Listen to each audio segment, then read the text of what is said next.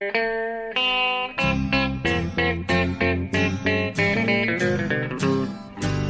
out there, we're on the air. It's hockey night tonight.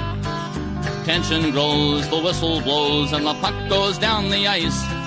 The goalie jumps and the players bump, and the fans all go insane. Someone roars, Bobby scores at the good old hockey game. Oh, the good old hockey game is the best game you can name.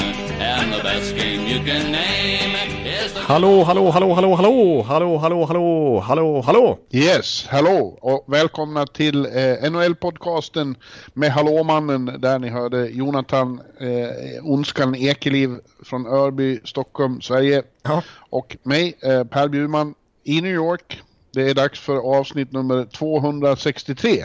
Ja, Ja, trevligt. och eh, det, det tycker jag. Många avsnitt är det. Och eh, den här gången så är det inte så, vi har inte, eh, när vi gör, vi, vi gör, vi gör inga särskilt noggranna körscheman till den här podcasten. Men vi går igenom lite innan vad vi ska prata om och ibland så är det så här, vad, vad ska vi hitta på den här veckan då? Det, det problemet har vi inte haft nu för att eh, eh, ett halvt dygn innan vi startade här så kom ju en, en nyhet som eh, fick det att sjunga till ordentligt i hela NHL-världen. Ja, precis. Alltså det är ju inget snack om, om var vi inleder någonstans. Och det blir ju i hockeysmäcka, om nu inte Montreal eh, vill sno det epitetet, men det är ju där den mesta Ja, ska du berätta vad det var som hände då? Ja, jag kan, eh, om någon har missat det så är det alltså så att Mike Babcock, Torontos coach, har fått sparken. Det är en bomb som har briserat. Ja.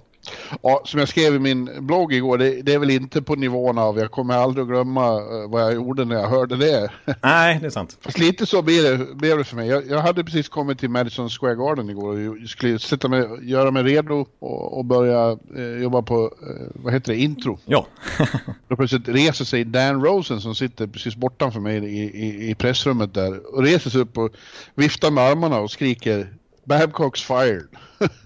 Ja. Eh, så eh, det är ju ändå enormt stort. Och så fick jag smsa dig och du bara svarade med ett jättewow. ja exakt. För jag, hade inte, jag var inte inne på Twitter eller något sånt där just då heller, utan jag satt med helt andra grejer. Eh, och så bara Ja. smack, Babcock sparkade. Jag tänkte först att det var ett skämt, men eh, nej, det var det inte. Nej, och du, var, du är chef den här veckan på Sportbladet, eh, nattchef. Så att, eh, du, du satte mig i, i arbete direkt och sa vi måste ha en krönika. Ja, precis. Det var jag gav det inget riktigt val där, utan jag skrev bara, nej, släpp introt nu och skriv en krönika direkt. Och det gjorde du ju faktiskt. Ja. ja, du är en hård chef Jonathan. Stenhård, hö, liksom pekar med hela handen. Ondskan, Ja. det är så jag känner. Ja. Ja, nej men eh, eh, det var ju, det är ju så stor som en nyhet blir på den fronten i, i NHL kan man säga. För att Mike Babcock, eh, ja inte bara då coach för ett, ett lag som ständigt är under lupp. Men det är ju också så att eh, Mike Babcock, det är ju, han är det största namnet i coach, den samtida coachskrået. Det är han ju. Ja, precis. Han har, dels har han varit med ett bra tag nu, hela 2000-talet inte minst. Och aldrig fått sparken i NHL tidigare faktiskt. Nej, hela 90-talet var han väl med i, nej inte hela 90-talet, men han, eh, han var ju med Anaheim där först och tog Ja. dem till final. Precis. Och, och så var ju Detroit i många år och en Stanley Cup där och så Toronto nu då. Och nej, han har aldrig fått sparken och hade nog inte räknat med det heller.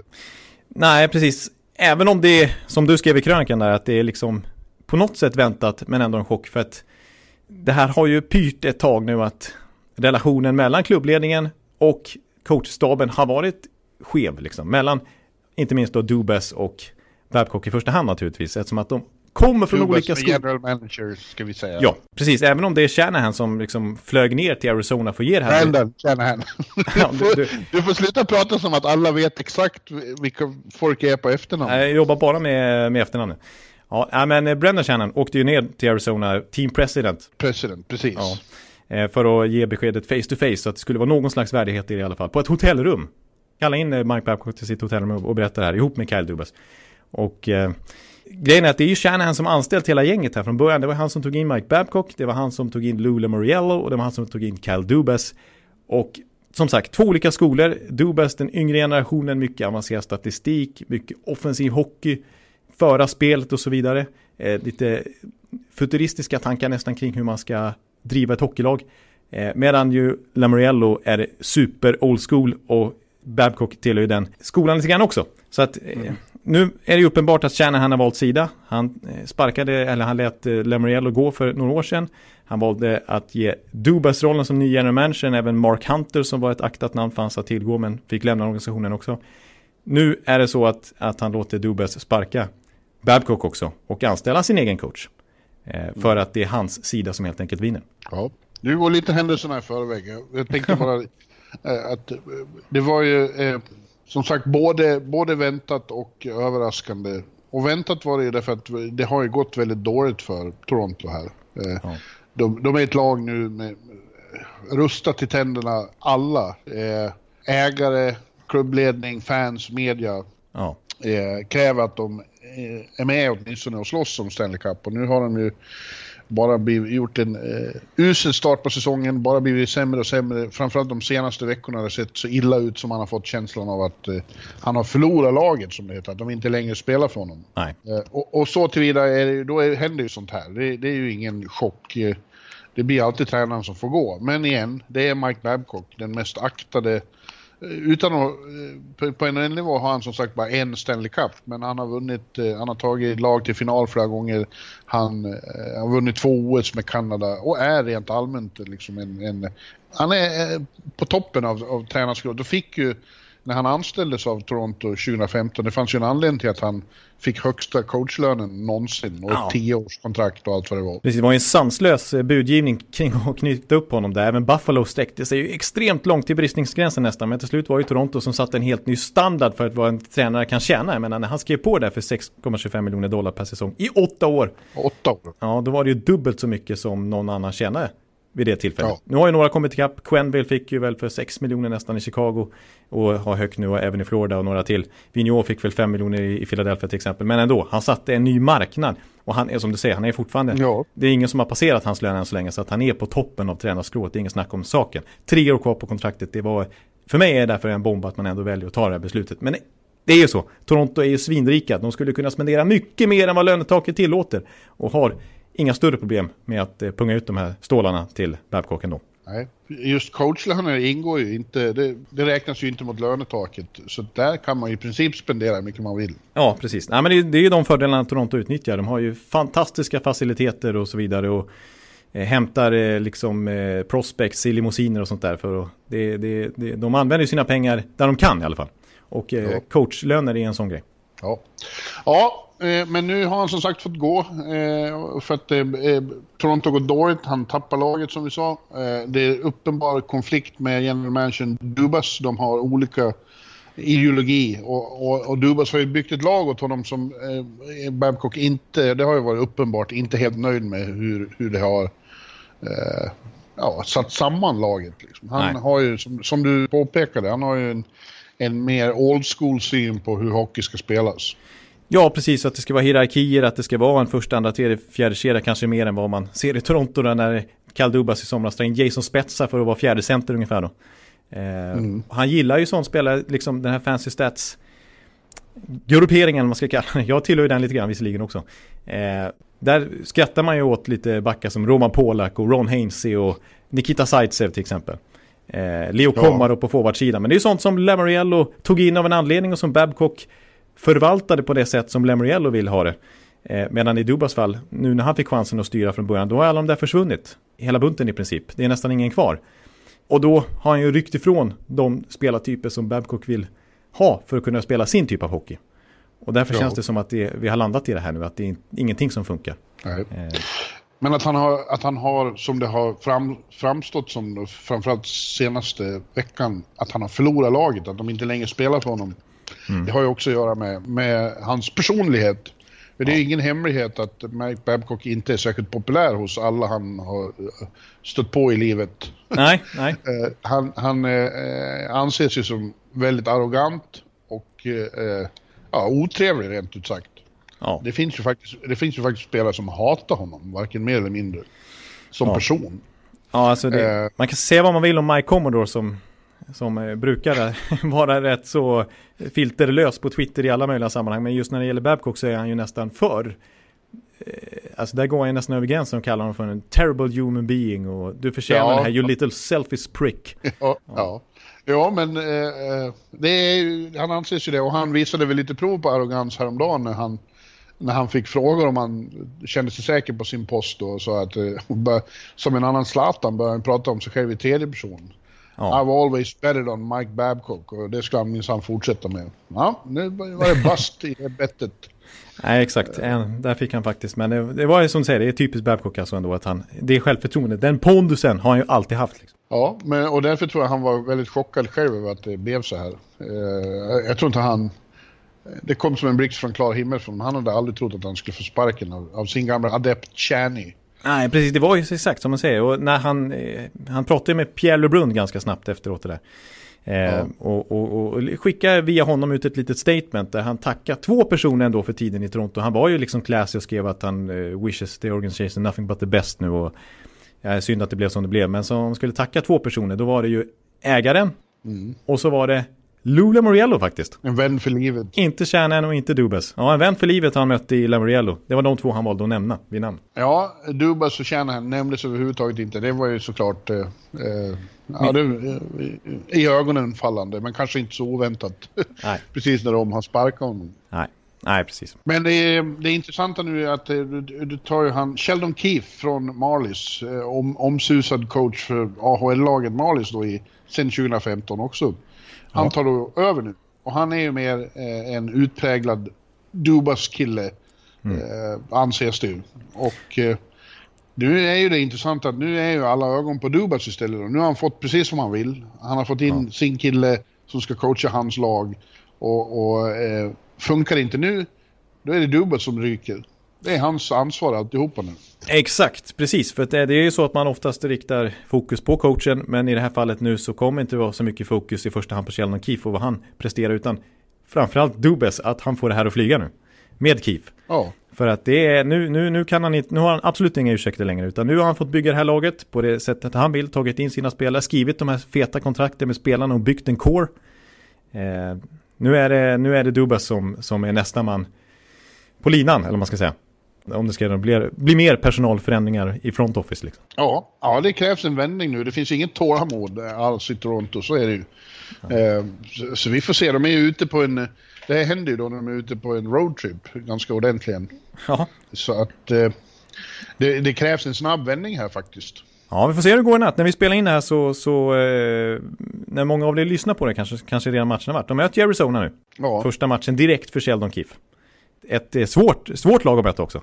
Släpper ju knappt in några mål Arizona. Vi kommer komma in på dem senare i podden. Nej, de är knappt. De senaste matcherna har de inte släppt. Nej, precis, exakt. Så ska, nu ska Toronto helt plötsligt få igång offensiven. Men Sheldon Keefe, jag tycker det är värt att prata lite extra om honom. Som du säger, lång relation med eh, Dubas sen juniortiden, i, ja inte sen deras egen juniortid naturligtvis, men när de båda var i The Zoo som det kallas, Zoo Saint Marie, OHL-klubben, där ju Dubas anställde Eh, Keefe som tränare var extremt framgångsrika där båda två och förde den klubben till absoluta toppen och vann mästerskap och så vidare. Eh, sen handplockade han ju faktiskt då, eh, för det var ju så att Dubas hade sina första år i Toronto medan Lemoriello var general manager.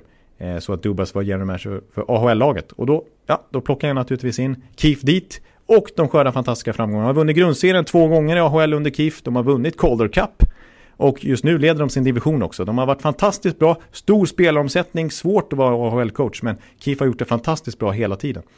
Eh, och är otroligt skicklig på att utveckla spelare och har ju, är, är en annan typ än Babcock på det viset att rent personlighetsmässigt också. För att han, visst, han kan vara hård och skälla, har man förstått, men han är också mer mån om att ha en personlig relation med spelarna. Kommunicera mm. på ett sätt som gör att spelarna inte tycker att man är någon surgummi direkt. Utan han, han har studerat mycket kommunikation och hur han ska bli, förbättra sig på det sättet för att nå fram till människor och få folk att lita på varandra. Liksom. Eh, och känns... Jag tycker han är lite lik Jeremy Colton på det viset. Han är ung han också, han är inte fullt 40 än faktiskt, eh, Keith. Och eh, alla pratar om hans kommunikativa förmåga. Och just hans ja. intellekt och det här eh, ambitionen att vilja, vilja utvecklas hela tiden som både person, människa på något vis och tränare. Ja, det kommer ju att bli en, en kommer åtminstone i början att vara extremt skönt förmodligen. Dels med en ny röst men också med någon som är mjuk och vänlig. Ja, ja För det, han är ju snarare åt det hållet. Och så ska vi nämna O'Keefe. Hans korta NHL-karriär, var tillbringade han den någonstans? Ja, Tampa Bay Lightning, det är klart. Men man är en bra person. Så är det ju. Ja. Nej, men sen, är, sen har han haft att göra med väldigt mycket spelare här. Nylander var ju där nere i AHL ett par säsonger och Kapanen och Hyman och du vet, men vi kan nämna hela Ja, det. Drummond-gänget. och sen naturligtvis alla som har kommit upp på slutet. Eh, ja, Andreas Jonsson som blev MVP i, AHL-slutspelet och ja, alla de här nya, det är Timashov Ja. och Engvall och Rasmus Sandin som är nere nu och Timothy Liljegren, alla svenskar liksom. Alla ju, halva laget Ja. har ju haft honom. ja, nu får man inte en syl i väder här. Han bara kör. Eh, Ja, eh, just de, de unga killarna som är där också, för det finns ju gott om talanger där som Sandin till exempel. Och, och Pierre Engvall, han fick spela en match under, under Mike Babcock. Eh, och, och sen var det över. Den eran. Ja. Ja, det, ska ju bli exceptionellt intressant att, att följa det här, fortsättningen. Intressant blir det ju också att se vad, vad, vad Babcock-avskedet får för konsekvenser på annat håll. För att eh, det har ju redan börjat spekulerats eh, våldsamt om, om dominoeffekter liknande de som inträffade när, när Boston sparkade Claude Julien. Och då gick det ju bara några dagar så sparkade Montreal eh, Michel Therrien och anställde Julien istället. Ja. Eh, samma sak kan ju hända nu. Eh, definitivt. Ja. Ja, det är den digniteten på Eller tränare som, som, ja absolut, alltså som, som innebär att man eh, är beredd att sparka sin nuvarande tränare för att vinna dragkampen om honom så att man inte går miste om en sånt här stort namn. När det ändå finns tillgängligt. Det är inte så ofta. Eh, och speciellt inte nu. Tränarmarknaden är ju väldigt tunn, förutom Babcock. Ja, precis. Eh, och de alternativ som det har pratats om, redan, det blir så omedelbart såklart eh, mycket snack om eh, Detroit. Om man undrade hur Jeff Blashill sov i natt. eh, för han har ju också en general manager som inte anställt honom, men som har en lång och nära relation till Babcock i, i, i Steve Eisenman då. Ja. Och ett ungt lag som eh, med, med stora framtidsutsikter som, som eh, en bra coach skulle kunna knåda till något riktigt intressant. Precis. Ja, det är, det är klart att, att de nämns naturligtvis just på grund av flera anledningar då. Eh, och sen är det ju, har vi ett par stora lag som går knackigt nu. Ja, Vi kommer komma in lite mer på dem kanske fördjupande, men eh, Nashville till exempel. Vi har Calgary. Eh, ja ju- det, är, det är nu vi ska komma in på det. Ja, Ja. Eh, det finns ju no- några som, låt mig ta det här nu i tur och ordning. Ja, bra. Minnesota, är också ett, ett namn som eh, dyker upp då att de eh, eventuellt skulle kunna göra sig av med Boudreau eh, och- då i sin tur skulle det eh, kunna utlösa dominoeffekter att han blir ledig.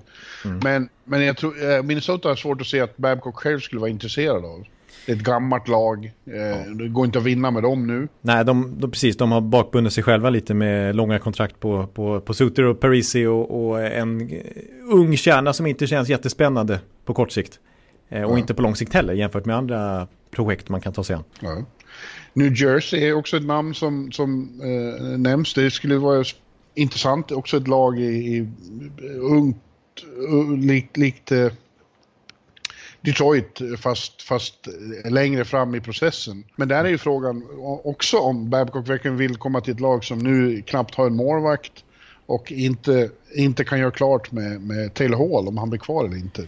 Nej, det är precis. också tve, tveksamt. Ja, jag undrar om han vill ha en sån eh, en klubb med på ett sätt också med, med den balansen som finns i, i New Jersey, den offensiva unga, lite moderna på något vis, eh, hippa lite grann. jag tror Ja. han kanske vill ha lite mer struktur nu och lite mer, eh, ja, ett, ett mer som är mer Babcock-kompatibelt liksom. Ja, och då riktar vi blickarna som du så nämnde där, Nashville. Eh, De befinner sig nästan i samma situation som Toronto och lever upp till förväntningarna lika dåligt. Och har haft eh, några riktiga, riktiga bottennapp på slutet. Ja. Eh, Och det börjar kännas som att eh, Lavi, Peter Laviolette eh, hänger löst. Eh, Det skulle ju vara intressant förmodligen för Babcock. Men frågan är ju där om inte det laget också behöver snarare en Sheldon Keefe. Eh, Lavi är också en ganska fyrkantig, hårdför typ. Ja, Och, och ersätta honom med en, en ännu hårdare variant. Nej, jag är tveksam till det. Om de verkligen vill ha det. nej precis, det, det är svårt att säga. alltså. Men det är som du säger, det att eh, det faktum att eh, Nashville skulle kunna sparka coachen eh, känns inte helt orimligt. Som du säger, flera bottennapp. De, de, det, det sjuka tycker jag är med, med Nashville den här säsongen är att de inte har vunnit en enda lördagsmatch hittills. Hemma i, Nej. i, i Bridgestone, det är ju deras grej liksom. Jag kommer ihåg att Ken Hitchcock kallade det en gång för, det är som att åka till Colosseum i Rom. Liksom, du vet att du kommer dö ungefär. Alltså det, det, är, det är chanslöst när du står och går ut på den där isen. För att det är sånt galet tryck och Nashville sprutar av liksom adrenalin. Eh, ja. så att det går, men de har, de har inte vunnit någon lördagsmatch hittills av fyra den här säsongen. Och här senast så fick de ju, åkte de ju på pisk med 2-7 mot eh, Chicago. Ja, det var förnedrande för dem. Ja, precis. Det, så att, eh, eh men men sen, David Poyle då, benägenheten att sparka coacher, den är ju inte stor hos honom. Han, Nej. Han, eh, ja, I Nashville så hade han ju, har han bara haft två coacher sen 90-talet när eh, organisationen startade. Det är ju Barrett Trotz då fram till 2014, fruktansvärt länge alltså. Och så Peter Laviolette sedan dess. Ja. Eh, och dessförinnan han var i Washington i många år. Han inledde sin general manager-karriär 82 tror jag. Eh, totalt sett har han haft fem coacher sedan 82. Och han har varit general manager nästan hela vägen sedan dess. Ja. Så att, eh, att han ska sparka Laviolette här för att det går lite trögt sista veckorna här är ju inte helt eh, såklart, men, men som du säger och som vi är inne på så, så är tendenserna halvdåliga. Ja, men igen, jag, jag tror att det kan ta emot att det i så fall skulle vara en modernare coach som är aktuell där. Ja. Men då kommer vi till Calgary som du också nämnde och där är ju en gammal eh, Babcock-epigon i Bill Peters redan coach. De, han kom ju upp under, under eh, Babcocks vingar i Detroit. Det glömde jag bort det faktum att det, det är ju hans eh, adept. Men det tycker jag känns, av de här alternativen så känns nog det nästan som det bästa ändå, även om det också blir lite likadant då. Men det, det blir en bättre version av Bill Peters helt enkelt i så fall, som kommer in. Ja, precis. Här skulle vi kunna ha en sån här schism igen och Bill Peters. Det har vi haft några ja. gånger i poddens historia. Och eh, nu känns det som att jag ligger dåligt till i våran lilla fade. Ja, ja du ser hur det går med Bill Peters. Det går inte alls. Ja, nej, det är ju, han är ju, han har ju samma kynne som Babcock. Han är ju ja. bister, det är, det, det är den kritiken du har framförallt mot honom. Att du tycker att han är en surgubbe som spelarna inte verkar gilla. Han har varit sur mot mig och han har varit taskig mot Eddie Leck. Och jag, jag, jag gillar inte honom. Jag har fått hårda blickar av honom också när vi var i Carolina, kommer du ihåg det? Att han, ja. han kikar på mig på ett eh, väldigt otrevligt sätt. Men ändå så har jag gillat, jag som tittar mycket på underliggande siffror och tendenser och sådär över tid och bla bla bla. Eh, så, så ser det ju ganska bra ut för, för Calgary till exempel. Till och med den här säsongen. I fjol vann de ju faktiskt västra konferensen. Eh, gjorde en kanonsäsong då och nu är många spelare formsvaga men om man pratar om att de inte passar under Peters men faktum är att Johnny Gaudreau slog ju personligt mål och poängrekord i fjol. Sean Monahan slog poängrekord i fjol. Mark Giordano gick vid 36 års ålder och vann Norris Trophy. Eh, Elias Lindholm fick sitt superlyft och han hade ju visserligen Peters sen tidigare. Det kanske var miljöombytet i stort då men det var ju det var mycket som funkade i Calgary i fjol fram till slutspelet och det har liksom hängt på sen in i den här säsongen. Eh, men, men om man tittar på mina, mina siffror här, liksom, de är över 50% i alla de här viktiga kategorierna. Corsi, High Danger Scoring Chassis, skott från slottet, eh, Expected Goals och så vidare. Det de inte är bra på det är utdelning. De har sämst utdelning i hela NHL. 6% av skotten sitter. Det är fruktansvärt lite. Om man jämför med Colorado till exempel som sätter över 10% av skotten. Skitsvårt att vinna matcher om man inte har någon utdelning. Men lägena de skapar, eh, hur nära mål de kommer och så vidare ser bra ut. Det är bara att pucken sitter inte för dem. Ja. Men eh, för, för att ge dig lite vatten på din Peters kvarn eh, mot honom så är det så att under Peters tid i Carolina, de fyra åren han var där, så var det liknande tendenser att de hade väldigt bra possession-siffror. Men fruktansvärd utdelning. Näst sämst utdelning i hela NHL efter Buffalo under de fyra åren han var där. Så det är ju någon tendens också på något vis i Peters system som gör att de, de gör inte mål. Ja, det är såklart en tendens. Mm. Han är inget bra. Han är inget bra. Nej, så att vi får se. Det Carolina blev otroligt mycket bättre under eh, Brindamore, till exempel. Ja, precis. De fick in en, en positiv röst i båset istället. En, en person som triggar igång dem och som är liksom som en farsa för dem. Det var ja. som vi har pratat om, Lukas Wallmark säger att de, de, de, de skulle kunna dö för honom. För att de, de känner liksom ja. personligen för honom. eh, ja. Och så är det inte med Bill Peters. Där är det tvärtom, att man nästan undviker honom kan jag tänka mig. Ja, ja och nu går ju Calgary, eh, som du säger, de har ju också lite småkris. Det är lite krishärdar här och där. Vi har Toronto, vi har Nashville som vi just pratade om. Eh, ja. Och Calgary är ju också ett. Eh, där det inte fungerar på, på, på slutet här. Nej, precis. Vi sa Arizona, de lyckas inte heller göra mål mot det laget. Eh, Calgary 0-3 här och sen så följde de upp det med 0-6 mot Vegas. Ja, då såg de så jävla dåliga ut så jag var, det var jag lite paff över hur bleka och geistlösa de var i den matchen. Precis, nej, då, exakt. Så det, det är lite minikris och det, det, liksom, det är ju kanaden, en kanadensisk lag precis som Toronto så att det är alltid liksom allt blir lite uppförstorat. Det är till och med lite snack där om att jaha, ska man trada Johnny Gaudreau? Ja. Liksom. ja. Oj, oj, oj. Ja, det skulle vara något det. Det vore ju en blockbuster, men det, så blir det ju när han är minus fem i den Vegas-matchen. Katastrofdålig och har varit svag i höst. Med hans mått mätt så är 18 poäng på 24 matcher inte tillräckligt bra. Bara fem mål jämfört med 36 i fjol. Ehm, Mm. att, Och det är ett annat te- tema som går igen här som jag försökte ta upp med dig före säsongen när, du viftade med armarna om hur bra Calgary skulle bli. ja. Eh, eh, och det är att de, det är så här varannan säsongslag. När det går bra en säsong så gör de alltid eh, ta ett steg tillbaka så floppar säsongen därpå. Det är ju bara så. Ja, det, det är bara så. För att eh, det var ju som du konstaterade och kom ihåg att de har inte gått till slutspel två år i rad på 12-13 år. Nej, precis. Typ. Alltid liksom varannan säsongslag. Så att nu är de där nere i diket igen. Men du var ju visst, jo, jo, jo, jo, jo, de kommer bli så bra. Ja, men de, de, som sagt, de har ett bra lag på pappret. Jag tycker ju att de har en skicklig taktisk coach. Men jag får erkänna nu att ja, de börjar kanske bli trötta på honom. Det kan Ja. vara så. För den geisten man såg mot Vegas, det är ju inte naturligt liksom. Så, Nej. så, eh, så nere får man inte vara. Och det är ju upp till coachen att att trigga igång ett lag så att man ändå kommer ut med lite energi. Sen tycker jag inte man ska trada Gaudreau förstås. Och eh, de borde kunna vända på det här och mina underliggande siffror talar för det. Men, men, eh, men eh, eh, nej, det är möjligt att, att Peters ska, ska bort. Nu sa ju eh, Bob McKenzie här i TSNs Insider Trading precis innan Babcock fick sparken att han inte fick någon som helst uppfattning om att Peter skulle hänga löst. Att den tanken inte ens har flugit genom general manager Brad Trellevings hjärna. Eh, utan att han litar på honom att det är ju en ganska ny eh, anställning det här också. Att de var ju så bra i fjol i grundserien så att det här kommer lösa sig. Men han sa också då att han inte trodde att Babcock skulle bli sparkad. Och så bara några timmar senare, eller någon dag senare så är det klart. Så att Ja, ja. man, inte ens Ma- Ma- The Bobfather har full koll på, på vad som händer bakom kulisserna. Nej, inte jämt. Nej.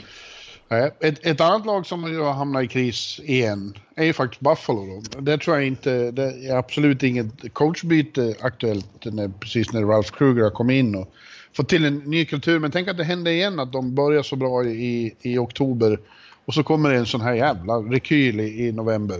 De var riktigt Ja. dåliga på slutet. Ja, det är precis. Det är, ju- man kan ju inte annat än dra paralleller till i fjol. När de alltså, då var de bra ända fram till Thanksgiving. Då, som vi Ja. kommer till nästa vecka. Vi kommer ha Thanksgiving special då. Eh, Ja, Så är det ju. Eh, men eh, då var de fast, de ledde ju hela NHL då. Och efter det så var de sämst i hela NHL. Så det var liksom verkligen eh, raka motsatser. Och i år, de börjar med 8-1-1 i record. Med, ja, de toppade väl NHL ett tag. Och nu sen dess så är de 2-7-2.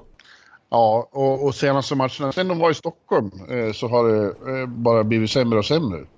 Och eh, återigen, Jack Eichel är ute och, och pratar om att det får, det får inte se ut så här. Men det känns som eh, man har sett det förr. Ja, att de landade där till slut ändå. Han försöker i alla fall, Eichel. Jag är lite imponerad över hans geist ändå eh, här under hösten. Att han, även nu när det går tungt, så har han fortsatt att producera, fortsatt att spela väldigt bra.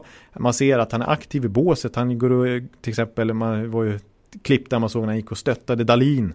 Liksom, kom igen Ja. nu liksom och sådär. Och han, han fightades ju faktiskt för första gången i karriären med Eriksson Ek som blev helt paff. Och inte slängde handskarna. Så att det slutade med att det blev bara utvisning och dumt för Eichel. Men han vill ju visa laget att jag tänker gå i bräschen. Jag tänker ja, slåss bokstavligt Ja. för att vi ska komma ur det här. Ja, absolut. Det är ju bra. Men, men eh, eh, ja, man, har man har sällan sett en så ovillig eh, som Eriksson Ek. Ja, det var kul. Han fick ju alltså ingen, han, det, det pågick ju något slags, slags mål utan motståndare höll jag på att säga i, i, några, i ett antal sekunder där. Men Eriksson Ek lyckades ju till och med inte dra på sig en utvisning där. Han lyckades bara parera slagen och vis, kasta alla handskarna och visa att jag kommer absolut inte slåss med dig. Jag är ingen sån spelare. Nej. Nej. Ja, så frågan är, eh, de har ju också jobbat på det och tar sig ur det här. Man, man tycker på något vis att det borde gå eh, när de har så mycket talang och den utsökte coachen då.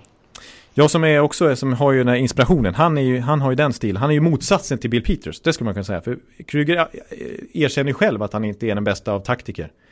Utan, och till exempel när de jobbade under World Cup så tog han in Paul Maurice som fick sköta taktiken medan eh, Kruger var motivationskonsult i omklädningsrummet ungefär.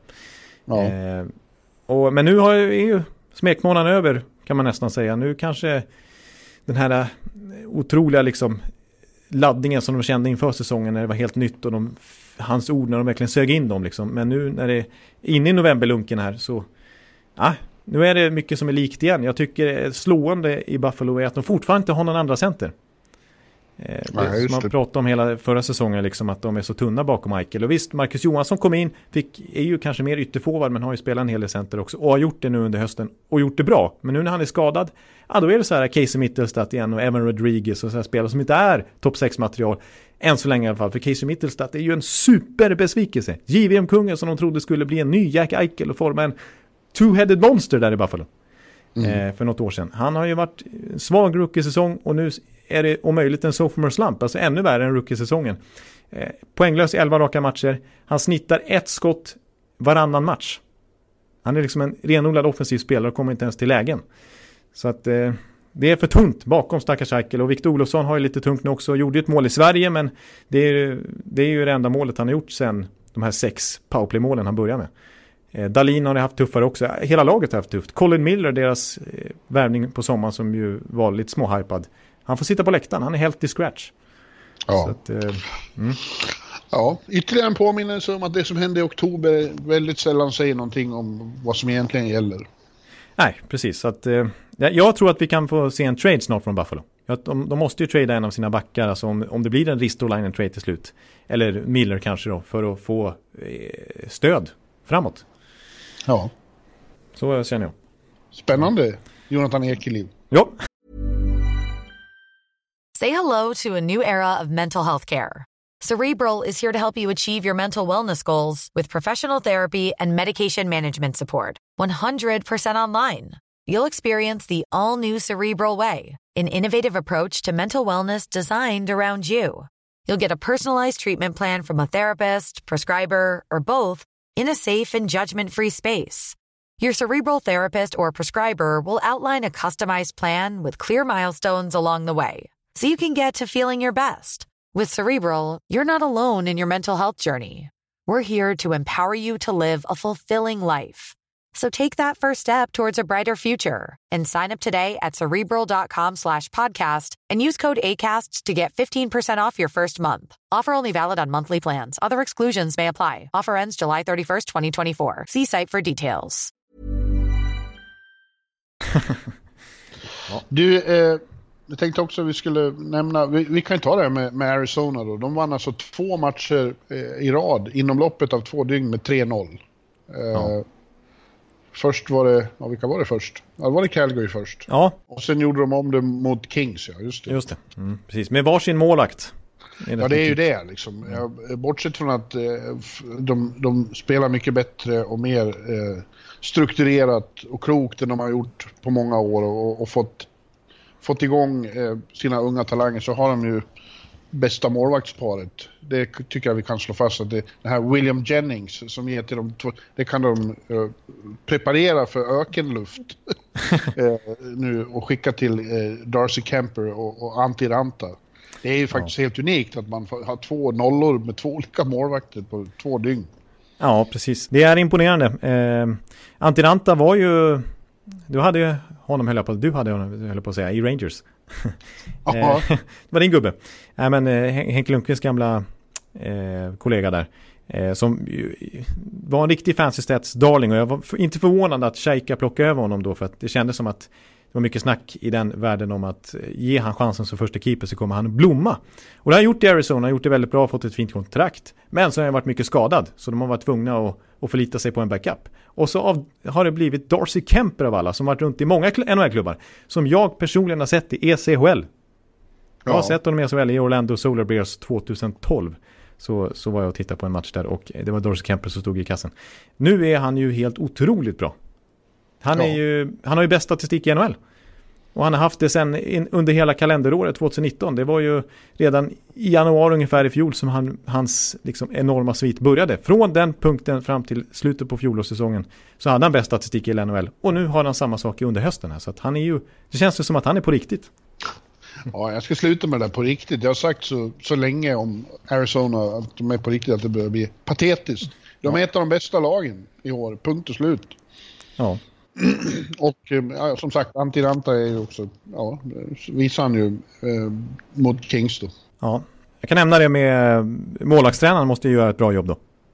Ja. Eh, eh, det är Corey Schwab, han har naturligtvis stått i Tampa en gång i tiden. Han är ju gammal NHL-målvakt själv. Ja, fick jag in det igen.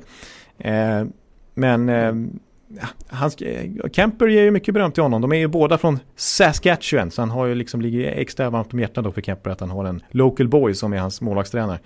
Eh, och det, det de gillar, vad jag har förstått, både Ranta och Kemper med honom är att han är han koncentrerar sig bara på vissa saker liksom per gång. Så det är inte så att han ska lära sig hela målvaktsskolan direkt utan de fokuserar på en detalj väldigt nitiskt under en period och sen byter de till nästa och så byter de till nästa och till slut har de byggt upp den här superkeepen som de båda verkar vara nu. Verk. För att, eh, ja, då, de är väldigt ambitiösa båda två. I söndags mellan de här två matcherna som vi pratade om, mellan nollorna. Då hade Arizona en off-dag och alla spelare tog ledigt. Men inte målvakterna. De tvingade dit Corey Schwab, målvaktstränaren, för att de ville fortsätta nöta på detaljer. Så att, eh, de är ambitiösa de där två, alla tre skulle jag säga. Du menar Tampa som ligger torva i öst med, med sju poäng upp till slutspelsstrecket? Ja, de... Det laget ja, just det. Ja. det behöver du inte nämna. Du, ja. Ska du kila in då att de har mycket färre matcher spelade också? Så. Det kan vi göra. Mm. eh, vi tänkte, eh, apropå eh, spelare som ja, slag, slår igenom alla Kemper så vill vi nämna uh, Andrei Burakovsky här. Mm. Och eh, det, det, det, fina i klubbyte ibland för somliga. Eh, ja. Burra har ju då sen han, han, lämnade Washington i somras och skrev på för, eller blev tradad blev han väl? Ja, han blev tradad. Ja, till Colorado då. Och eh, han har ju då fått i princip samma lyft som, som Elias Lindholm fick när han i fjol kom till Calgary. Och eh, mm. eh, helt symboliskt så delar ju just de två då, delar just nu ledningen i svenska målligan med tio fullträffar var. Ja. Eh, och Anders säger själv när man pratar med honom att det har verkligen blivit ett lyft. Han, han känner sig mycket... Eh, han, får, han upplever att han får mycket mer chanser, han får roller som passar honom och istid och eh, det bygger hans självförtroende. Det är extremt viktigt i hans fall tror jag, hur, hur han känner sig själv, att han känner stöd från coacher och så. Ja. Eh, och, och ja, nu spelar han ju dessutom med, med, med Nathan McKinnon då, i och med att Landeskog och Rantanen eh, är skadade så får han chansen där och de har utvecklat utsökt kemi direkt. Precis, det är ju det är fina mackor McKinnon har lagt fram och Burakovsky har utnyttjat dem på fenomenalt sätt. Så det, det ser ut som ett riktigt radarpar som de har spelat ja. ihop en längre tid ungefär. Ja. Inte som att det är ett nytt experiment. Nej, att, Nej eh, väldigt kul för, för Burra. För att i, i Washington så det var lite som för Elias, han duttade runt i olika kedjor, fick, fick aldrig någon fast position och, och, och eh, var ju ofta scratchad också under perioder. Under alla år i princip. Precis, och han är ju en topp 6-spelare, Burakovsky, det är ju hans spelstil. Han, han ska inte lira i någon gnuggarkedja liksom. Med Nej. den typen av eh, med lagkamrater, utan det ska ju vara det bästa. Alltså han, han är ju en sån som kompletterar en superstjärna perfekt. Eller ja. den potentialen man såg i alla fall. Och hans, jag kommer ihåg att vi pratade om det här inför säsongen och när traden gjordes i somras också. Att vi båda två kände på oss lite att det här lyftet kan komma nu. Visst, han spelar ju visserligen delvis med Bäckström ibland, med Kuznets och Ovechkin ibland. Så det var inga dåliga lagkamrater han ibland fick chansen med i Washington heller. Men som du säger, över tid så var det ju väldigt mycket duttande hit och dit. Han fick ju aldrig någon trygghet liksom. Mm. men hans, hans, eh, hans points per 60 som man brukar säga, alltså poäng sett till speltiden man får Eh, den var ju fantastisk i Washington den också, eller fantastisk, men den var väldigt bra. Den var till exempel, jag kommer ihåg att jag jämförde med både William Karlsson och Elias Lindholm. Mycket bättre än vad de hade. Och till och med om man räknar in Lindholms första år i Calgary och Karlssons första år i Vegas. Så att, att, att Burakovsky skulle kunna producera, det visade han redan i Washington. Men nu när han får 18 minuter per match som han har haft på slutet där och spelar med Nathan McKinnon i Colorado. Ja, då blir det ju så här. Då leder han den svenska skytteligan. Ja, Ja.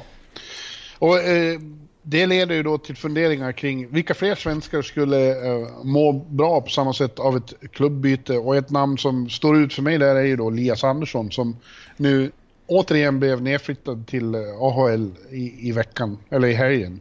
Ja. Eh, och det känns jävligt tråkigt. Eh, och han har ju hamnat i en situation där coachen här helt enkelt inte tror på honom. David Quinn. Han vill inte ge honom några chanser. Andra får... Eh, nästan alla andra forwards i, i truppen har ju fått testa top 6, men Lias har inte fått det.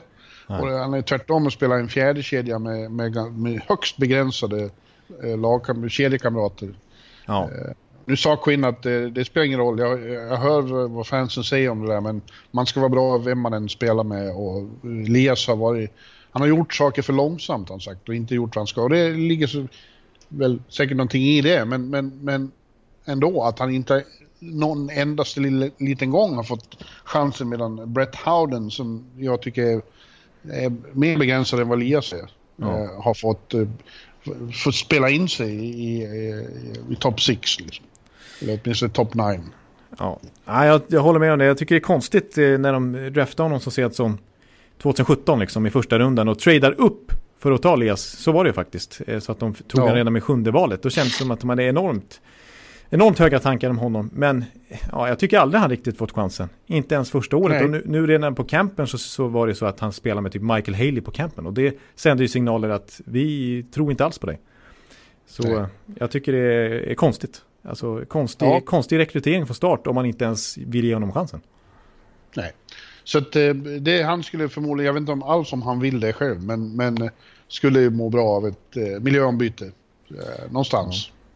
Ja. ja, precis. Det är trevligt på Manhattan. Inte lika kul i Hartford visserligen, så av den anledningen kanske han skulle kunna tänka sig en flytt. Och som du säger, rent hockeymässigt framförallt då. För det verkar ju kört så länge David Quinn rattar skutan där. Eh, ja. När han aldrig får chansen liksom.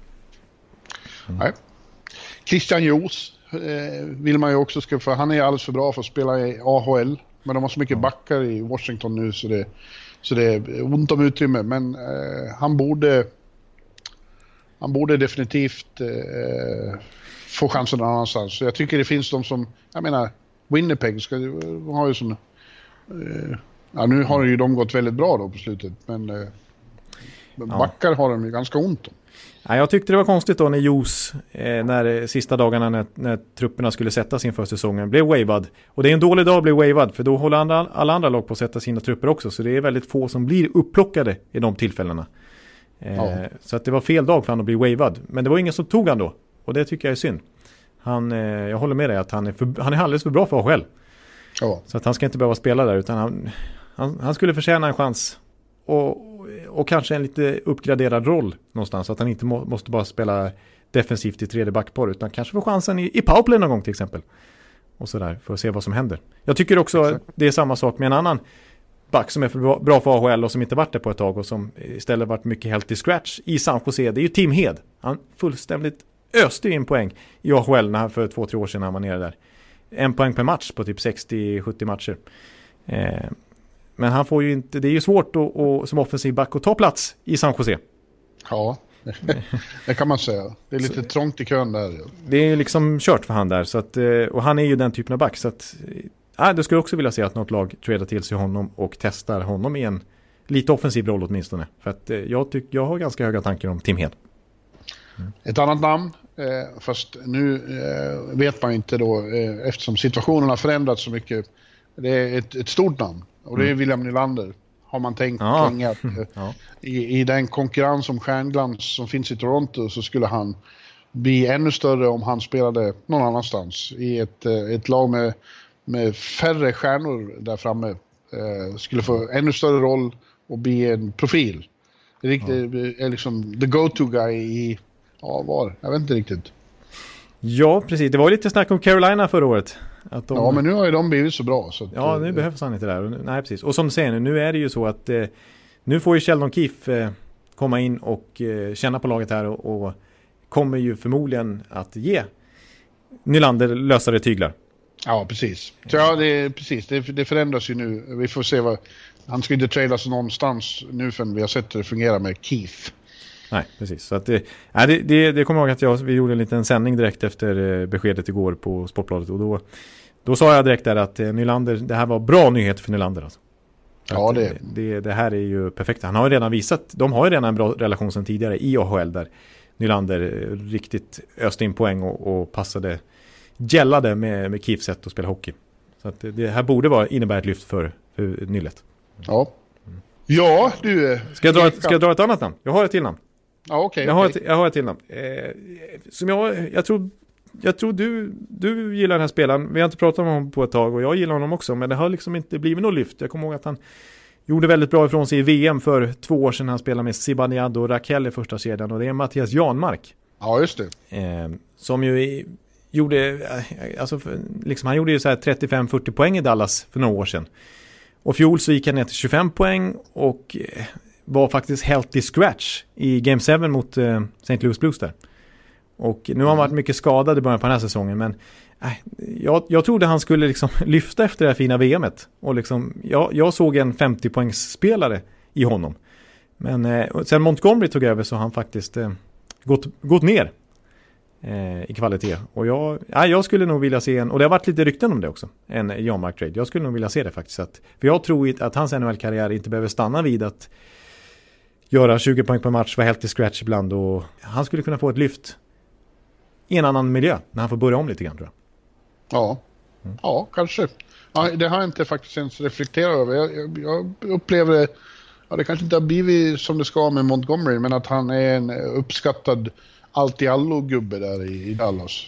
Ja, ja, precis. Det är väl det som är, som är grejen då, som att han, det har du helt rätt i. Att, jag, jag är inte säker på att Jan Mark, jag tror att Jan Mark har en större roll i sig, men Dallas gillar ju att ha honom, att man kan slänga runt honom lite överallt. De slänger ibland upp honom i topp 6, de kan ha honom i fjärde kedjan, han kan spela boxplay, de kan kasta in honom i powerplay och så vidare. Det, han är ju liksom en allt-i-allo för dem. Mm. Ja du, Ekan, du är som sagt chef den här veckan, så du har inte egentligen tid att sitta här och babbla hur länge som helst. Ja, det är lite synd en sån här vecka när, när vi hade en sån eh, toknyhet för oss att, vi, att det kanske blir lite kortare avsnitt än vanligt. Men eh, nu eh, kallar ju chefstolen igen, för nu undrar folk vad jag håller på med. Liksom. De ställer frågor till mig om kvällens hockeymatch i SHL och, och eh, vi ska förbereda EM-lottning som är eh, visserligen ett par veckor bort men har haft lite möten om sånt. Och, och, och så sitter jag, går jag iväg plötsligt och spelar in podd vet du. Ja. Så att, men det, då tar man, man tar sig lite friheter som chef också. Ja, precis. Jag kan ju ja. nämna, för, apropå landslaget och VM där som du sa om, om eh, Jana då, att eh, Garpen var, är, är på, på USA-turné just nu och, och kollar in de svenska spelarna. Han var på Garden igår. Just det. Eh, jag pratade med honom och han, eh, ja, han meddelade att det, det, det, finns ingen ny policy vad gäller NHL-proffs. De som är tillräckligt bra och blir tillgängliga kommer att spela eh, om de kan i VM. Ja. ja. Ja, men nu, han har ju en superrelation. Han, alltså just den biten är ju Garpenlöv eh, grym på. Jag kommer ihåg när han var general manager för Tre Kronor. Mm. Eh, under en kort period. Han, då, då, alla spelare ställde upp då. När han ringde ja. och, var, och med sin väna röst välkomnade till Tre Kronor vet du, då svarar man ja. Jag tror också han är väldigt... Eh, de har mer respekt för Garpen än för någon annan för att han har ju spelat här eh, och känner till deras villkor. Dels är det ju en väldigt sympatisk person och eh, trevlig att umgås med. Man är varm. Ja, ja. Uh, lustigt igår är att när de är på de här resorna, det brukar ju vara extremt svårt att få dem att, att nämna några enskilda spelare. Ja. De är ju i första hand, de är inte här och scoutar egentligen, de är ju här för att vårda relationerna. Precis, de har ju rätt bra koll på spelarna men de vill ju, som du säger, de, vill, de ska snacka lite mer om att och vårda relationen, precis. Mm. Ja, men eh, ändå så fick jag ur honom ett namn igår, det var att han hade, eh, Oskar Sundqvist hade gjort stort intryck på honom i matchen mot Tampa där. Ja, ja. Så att han tyckte, eh, och det känns ju som en liten eh, coachfavorit, eh, Sunken. Ja, alltså det är ju, precis, det är ju liksom en, rent krasst, det är, tredje, fjärde center har han varit, men vi kommer ihåg i slutspel hur mycket vi pratade om honom där i, i framförallt Dallas-serien väl. När han spelar mest av alla St. Louis Blues forwards i flera matcher. Ja, Så de hade inte, den här succén hade inte blivit utan, utan de där killarna i, i fjärde kedjan. Så nej, nej, precis. Alltså den bredden de hade och att de så långt ner i line-upen hade killar som kunde så, axla så stort ansvar var ju avgörande för dem. Skulle Blues eh, åka ut tidigt i slutspelet och det finns ju alltid risk när man har vunnit eh, tidigare. Kraften tar slut då kan vi räkna med sunken i Schweiz. Ja, just det. Sportbladet avslöjar. Ja. Första namnet klart. ja. Eh, jag vill bara nämna i förbigående innan, vi, eh, innan, vi, innan du får gå tillbaka och bossa med, med, med människorna där. Ja. Eh, Ottawa eh, tycker jag är, är, kul. Alltså Ottawa ligger nu före, de ligger före Tampa, före Rangers. Eh, det hade vi inte räknat med. Och, eh, men jag tycker faktiskt det är kul att se dem. De är ju ett, ett väldigt frejdigt lag eh, som... De har ju vuxit ihop till en fantastisk grupp. De är ju mycket bättre än vad... vad, vad, vad säger man? Summan är större än... Eh, ja. Delarna? De är större, de, de, är större än summan av delarna. Ja. Det sa Anders Nilsson när de var här, att eh, ser man eh, spelare för spelare så är vi i princip s- ska vi få stryk av alla lag. Men, men när vi jobbar hårdare än alla andra och eh, håller ihop som lag, då kommer vi ändå att vinna här och där. Och det har de verkligen gjort nu i november. Ja, precis. Exakt, och, och uppenbarligen har det funkat hittills i alla fall för DJ Smith att plocka över Babcocks gamla favoriter, Zaitsev och Hainsey och så vidare. Och lira Ja. en, en hård för hockey, där, där de eh, sliter för varandra och har ett starkt kollektiv. Så, eh, nej, det är hatten av för Ottawas start i alla fall. Jag, som du säger, jag tycker de spelar ganska frejdigt och kul också. Eh, Ja. Och, ja. Och jag är väldigt nöjd med att jag för någon vecka sedan här plockade upp Jean-Gabriel Peugeot i, i, i fantasyn. Ja. Han har ju bara öst in mål sen dess. Ja, han, ju- ja, exakt. Han håller på att slå någon slags rekord i november här. I alla fall i klubbrekord. Ja. Ja. Alfredssons rekord i antal mål på en månad.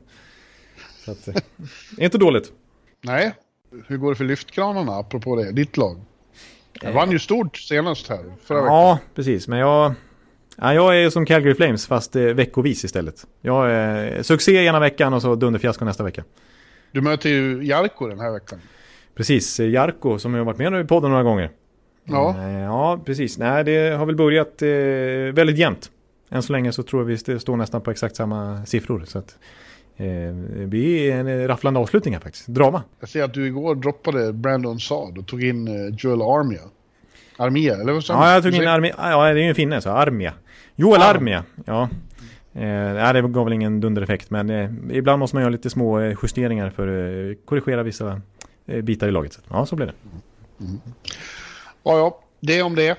Ska du ta fram, eh, ska du gå in och visa med he- hela handen nu?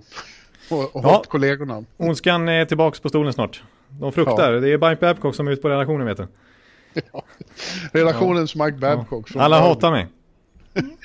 Nej. Du Nej, selfish Jonathan. prick. Ja. Jag tror, inte, jag tror inte det finns en människa i världen som skulle kunna hata dig. Det är helt otänkbart faktiskt. Är det sant? Ja. Det var ju trevligt i alla fall. Ja, då känns det bättre. Ja. Nej, Ja. men eh, vi, vi får väl tacka för den här veckan då helt enkelt och eh, på återhörande nästa när det är Thanksgiving.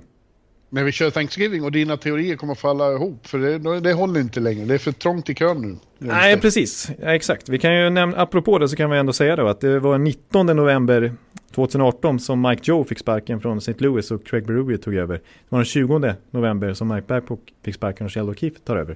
Så vi får se om eh, Toronto kan göra en St. Louis-resa. Ja. ja, det blir spännande. Vi, vi hörs igen nästa vecka. Ja, det gör vi. Ha det gött allihopa. Hej, hej! Hej! Hallå, hallå, hallå. Hallå, hallå, hallå. Alex Chiazot, Joe Luis Arena och Esposito. Esposito. Uttalsproblem, men vi tjötar ändå. Och alla kan vara lugna, inspelningsknappen är på. Bjuder Hanna Kohl, han är grym i sin roll. Från korrespondenten har han fullständig kontroll på det som händer och sker. Det blir ju allt fler som rattar in hans blogg. Och lyssna på hans podd. One, two, time, speed, so Hallå, hallå, hallå. One, two, time, speed, so Hallå, hallå, hallå. Ekeliv, som är ung och har driv. Verkar stor och stark och känns allmänt massiv. Han hejar på Tampa och älskar Hedman. Sjunger som Sinatra. Ja, oj, där ser man. Nu är det dags för refräng. Dags för magi, Victor Norén. Du är ett geni. Så stand up at home and remove your hats. Höj volymen, för nu är det plats. One, two, time, speed, so Hallå, hallå, hallå. One, two, time, speed, so Hallå, hallå, hallå. One, two, time, speed, so Hallå, hallå, hallå. One, two, time, speed, so Hallå, hallå, hallå. Det är otroligt länge sedan båda samtidigt var så här bra. Hallå, hallå, hallå. Det är otroligt länge sedan båda samtidigt var så här bra.